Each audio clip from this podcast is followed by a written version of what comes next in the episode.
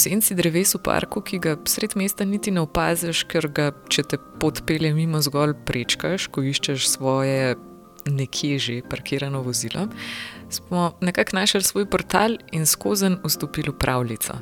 Zato si samo tako mimo grede, zvok je vetra v zadju in kakšnega helikopterja lahko predstavljate kot del zvočne kulise te naše pravljice. Ki pa ni čisto prava pravljica. In zato nam uvodoma ni bilo treba prečkati vseh teh devetih gora in na to še devetih voda, pač pa smo kar svobodno vstopili v obmejno mesto Ku. Če bi ga gledali z ptiče perspektive, bi spominjal na nesorazmerno oblikovano ročko za učvrščevanje mišic. Takšnega mesta pa na tem svetu ni.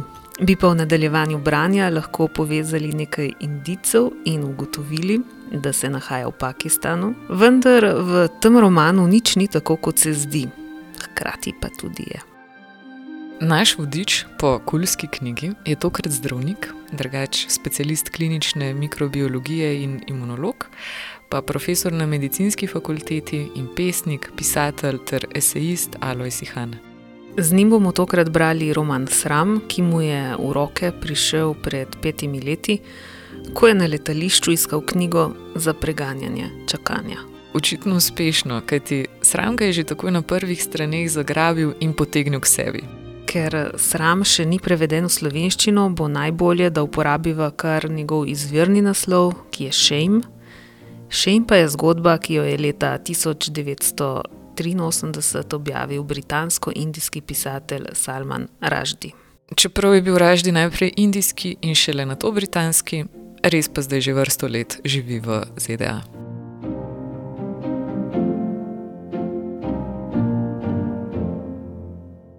Šejm je pravzaprav ena redkih njegovih knjig, ki še ni prevedena v slovenščino, zato bi to, da jo predstavljamo v podkastu, lahko razumeli tudi kot namik založnikom. Ni pa to neposredni razlog, zakaj ga je Alois Ihan potegnil z police. In že preden ga razkrijeva, poveva še, da tudi ta podcast nastaja v sodelovanju s spletnim portalom Erbeletrina, ustvarjava pa ga Klara Škrinjar in Maja Čakarič. Za založbo Beletrina pa je Alois Ihan v preteklosti objavil tudi več svojih knjig. Več je v resnici pet, roman je za dva, in psa, deset božjih zapovedi, državljanske eseje, slike z razstave in časne smrtnosti, smrt v dobi bionike. A moramo še kaj dodati? Pa niti ne, bi kar sogovorniku odstopila besedo. In za začetek me zanima vzgib za tale bravski namik. Takrat, ko ste mi telefonirali, sem jo, sem jo videl v službi, ko imam eno ogromno omaro in sem pogledal po policah, kamor odlagam te beletristiko, in mi je v oči padel. Med tistimi, ki sem, ko sem jih skeniral, se mi je zdelo posebej špasno, da, da, da, da zberem imunologa. Imunolog je tudi poklic protagonista tega romana, Omarja Hajama. Človek je bil rojen v zelo čudnih uh, razmerah, ne? se pravi, uh, rodile so ga pravzaprav tri sestre, oče, ki je svoje tri hčerke, omenjene sestre, zadrževal doma, oziroma jih je imel zaprte med štiri stene, okay, v njihovem primeru med tisočere stene palače, je umrl. One pa. So pač nekako računali, da, da bodo zdaj postale bogate, ne? ampak potem se je izkazalo, da jim nič kaj dosto tega bogatstva ni ostalo ob dolgovih, ki jih je imel ime pa je ostala tista palača, v kateri so bili. Sprememb so se branile in se raje odločile, da bodo tam živele še naprej, tako izolirane. So si pa zaželele otroka, oziroma kar več otrok. Ki jih bodo vzgajale, zato so predile neko za tisti čas precej sporno zabavo, na katero so povabile predvsem te kolonizatorske angliške vojake in oficirje, ker je bila to pač provinca. In, uh, Na tisti zabavi je pač nastal en otrok, in v glavnem so potem tistega otroka vse posvojile, kot bi bile skupaj ena mama. Torej, odločile so si, da je to njihov otrok, noben niti ni vedel, od katere sestre je pravzaprav ta otrok. Vse tri so, bom rekel, igrale nosečnost, dokler se ta otrok ni rodil. Otrok je bil Omar Hajam Ni si težko predstavljati, da je bil tudi njegov svet omejen na palačo, razen ko so ga poslali na šolanje. In tudi tega si verjetno ni težko predstavljati, da je bil zelo poseben otrok. Kar se ni težko razlagati, debelinko, ogromen se je sam učil, eh, je bil pa zelo dovzeten za učenje, se je drugega ni mu zadelati. Ne. Tako da eh, je potem nekako je, je šel potem študirati, dobil je štipendijo, ker je bil res dober učenec in je uh, šel na medicinsko fakulteto, postal uh, zdravnik in potem imunolog. Ne. Je pa seveda glavna zanimivost tega, da, da so se te sestre nekako zavedale, da, da, so v tako posebnih okoliščinah napram drugim, da, eh, da takoj, ko bi one ali pa otrok bil v resnem stiku z okolico, bi jih okolica sramotila. Sram je tako srednje vezivno tkivo romana. Ta uh, sram, in to ni sram v smislu, uh, kot ga mi poznamo, se pravi, mi poznamo sram bolj s stališča uh, neke krivde, moralne krivde. Torej, sram te je, ker si moralno kriv. Medtem ko um, pisatelj pa obravnava sram v tis, v stotinah variant, ampak ne, ne kot moralni, uh, posledica moralnega prekrška, ampak posledica stanja. Torej, to, da si v, ujet v nekem stoholmskem sindromu, to je ena vrsta sramu. Se pravi, uh, takoj, ko si v nekem stanju, ko si ukleščen in zaradi tega te okolca ne more razumeti, uh, si, si pravzaprav ostaneš brez razumevanja okolice, brez svojega izraza.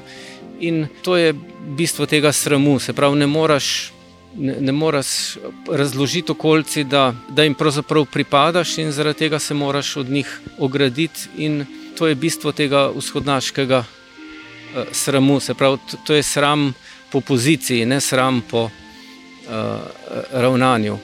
In uh, zaradi tega so te tri sestre tudi tako varovale svojega umarja Hajama vendar so vedeli, da ga morajo vzgojiti v človeka, ki ga nikoli ne sme biti sram.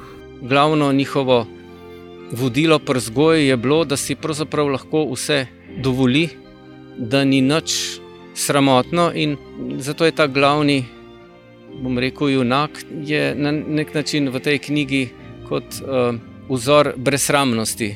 Torej, človek, ki si. Si vzame tisto, kar mu prinese življenje, in ga pravzaprav in rajš vzame tisto, kar je boljše, kot tisto, kar je slabše, in tisto, kar je več, kot tisto, kar je manj. In uh, mu pravzaprav uh, nikoli ni uh, za nobeno stvar nerodno, oziroma ga ni sram. Uh, zato tudi v mladih letih uh, potem postane tako zelo vase zaprt uh, človek, ampak hkrati precej uh, razuzdan človek, se pravi. Uh, ne živi ravno po meri te neke vzhodnjaške uh, morale. Ne. In v, tem, v teh svojih, bom rekel, popivanjih dobi tudi nekaj prijateljev, ki se potem izkažejo za zelo pomembni v, za njegovo življenje.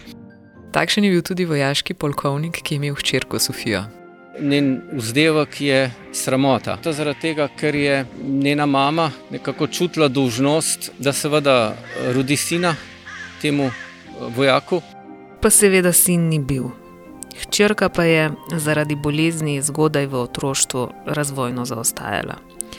Razvila pa je še eno posebno bolezen. Ker je postala živo rdeča pri vsakem znemirjenju. Zdaj, eh, pisatelj to pač razlaga s tem, da, da je nekako absorbirala sram vseh ljudi okrog in to kazala. Medtem je hčerka doživela še eno epizodo, ki jo nihče ni razumel, in sicer uh, je, je, je v nekem stanju uh, odtavala do neke farme teh puranov in pregrizla vsem vrtove in se vrnila čist krvava. In od takrat naprej so to hčerko seveda čuvali, uh, da, da ne bi si kaj naredila. Umr Hajam, ki jo je zdravil, se je sočasno vanjo tudi zaljubil. Med njima je bil sicer 30 let razlike. On se je zaradi poroke v družino poveljnika uspenjal po lestvici politične moči, Sofija pa se je medtem spremenjala v pošast. In je pravzaprav odvihrala iz hiše in umorila nekaj fantkov, ki jih je prej zlorabljal tudi. In seveda so to hčerko, glede na to, da je šlo za visoke, za predstavnike visoke družbe, so to hčerko spet uh, dal, pod, dal pod kontrolo. Ne. Potem se roman začne nekako, bom rekel, zapletati, uh, da postane ta. Bestialnost te hčerke, se pravi, ta zver v njej vedno bolj raste, medtem se tudi nemiri v Pakistanu stopnjujejo, vršijo se vojaški udari na zadnje tudi ni bila prav milostna do svojega soproga Omarja. Ni bila le pošast, ampak pošastna zver in mu je nekega dne odtrgala glavo.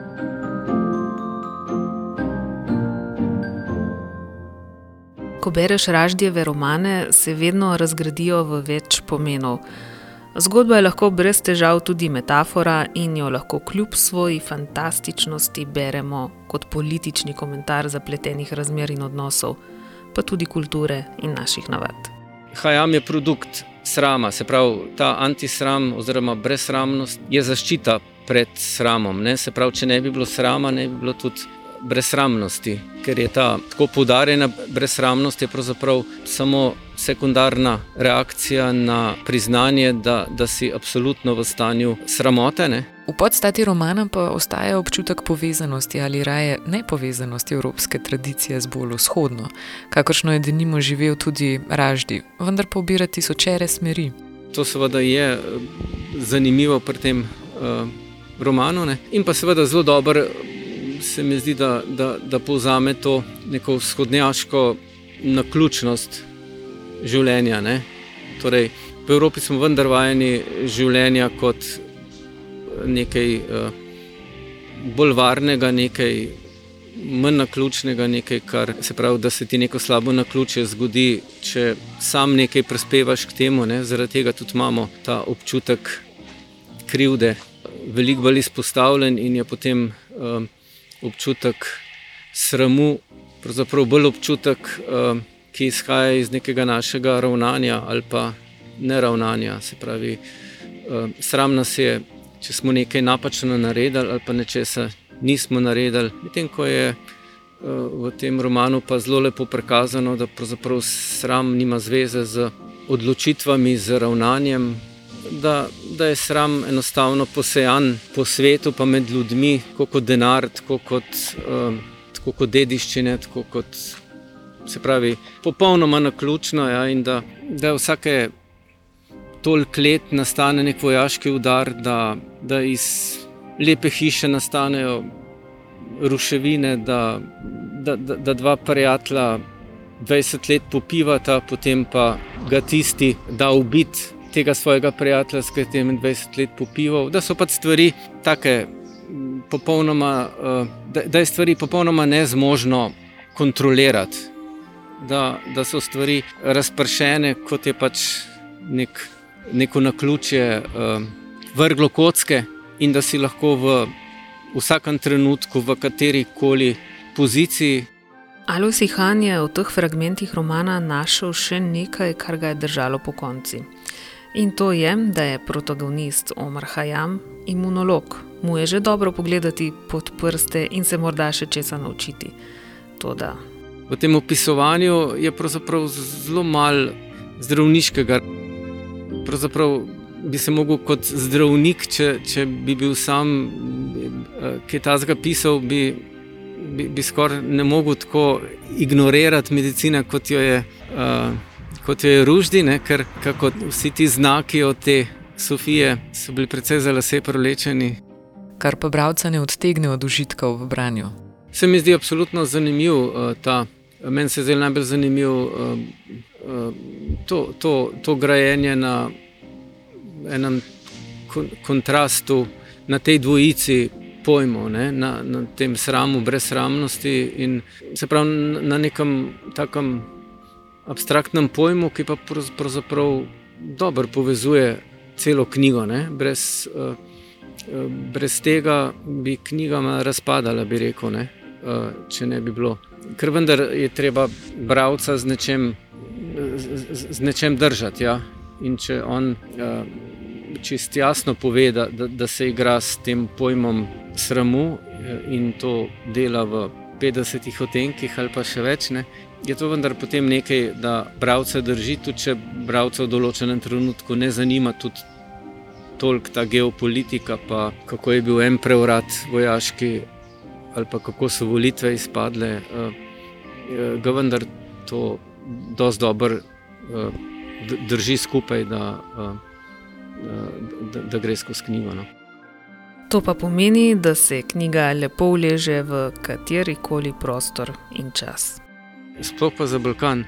ta, ta knjiga je pravzaprav popolnoma. Um, če pogledate zgodovino Balkana zadnjih 20 let, pa še kam imamo na Ato, se reče. Se pravi, ta, ta, vse to na ključno razprševanje sramu in uh, pa to menjanje pozicij. Na nek način se mi zdi, da, da smo zahodnaki za svojo nekako hierarhično, to krščansko kulturo, vsaj na, neki, na nekem nivoju ta sram premagali, zato ker smo, zato, ker smo vse prostor nekako unificirali v malenotna pravila. Ne? Ni, ni tizga, da bi bilo v eni hiši možno imeti otroke brez šolanja pa jih imeti zaprte, v drugi hiši zraven ne imeti angliške šole. Torej, ni, ni v naš, našem sistemu, ko, ko smo ga de, desekularizirali, pa zmanjšali pomen teh vplivov posameznih familij, pravilne. Eh, mi, mi smo pač na nek način uh, se podvrgli zaradi, uh, dobro, verjetno zaradi ekonomije, uh, nekim bolj univerzalnim pravilom in smo ta, ta del, ko sami odločamo o, o življenju, ta naš del smo zelo zmanjšali. Smo si pa v zadnjih mesecih nekoliko zmanjšali še nekaj drugega, prostor, v katerem živimo. Tudi nas je novi koronavirus izoliral, tudi mi živimo v palači, le da je omejena z nacionalnimi mejami. Nekoliko, ne čisto vsem. Alois Hanta čas preživlja večinoma ob delu, ki je še kako zaznamovano s COVID-19. Mi smo tako upleteni v, to, v ta dežurstva, v te teste za bolnike, za vse skupaj, da, da pravzaprav lockdown za nas pomeni dežuranje, ne, ne prestano. Ampak vsaj postaje že bolj obvladljivo. No, na začetku je bilo strašljivo. Uh, ker, ker pravzaprav nismo vedeli točno, ali, ali je možno narediti, pa z vsakim korakom ne narediš česa narobe, pa kdaj se boš okužil, pa kdaj se ne boš okužil. Zdaj pa, kar se tega tiče, ni, ni, teh, uh, ni občutka kaosa, uh, je pa zoprn, če se bo to nadaljevalo. No, ker tudi nam, ki se s tem ukvarjamo, ni v kažem poseben veselje. Se toliko s tem ukvarjati. Eh, ne, ne, ne mislim zato, sam, da ni to zanimivo, recimo, ampak predvsem zato, ker to dejansko vpliva na vse druge načine življenja. Mi, mi ni recimo nadzabavno misel, da, da se bomo spet improvizirali, pouk študenti. Pa da bo težko študente kaj praktičnega spet naučiti, če bodo bolnice polne. Ne? Tako da, kakšen hud vesele iz to epidemijo tudi za nas ni, ne? čeprav nam je recimo še najbolj blizu, kar se stroke tiče. Tako da saj nimamo tesnobe, ne? ni nekaj, kar bi te utesnjevalo, um, bi si pa želel, da bi, da bi zginilo. Ne bi bilo slabo, ja, ker ne bo se ravno enostavno navaditi živeti s tem virusom. Brez koncertov, pa brez literarnih večerov, pa brez uh, kulture, ja, ni, ni to um, ravno kakšna huda opcija. Ne?